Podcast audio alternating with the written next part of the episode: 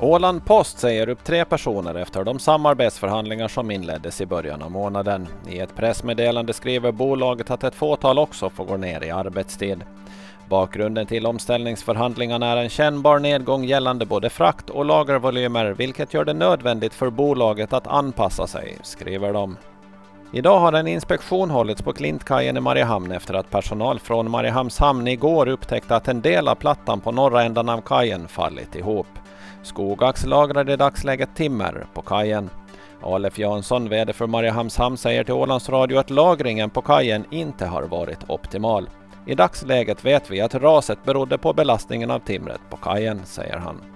Rederiaktiebolaget Eckerö vände de negativa siffrorna från 2021 till ett plus under 2022 då rörelseresultatet var 4,1 miljoner euro. Under 2021 var resandet påverkat av pandemin och då hade bolaget en förlust som uppgick till drygt 38 miljoner euro. Det här var Ålandsnytt på en minut med Ove Sjöblom.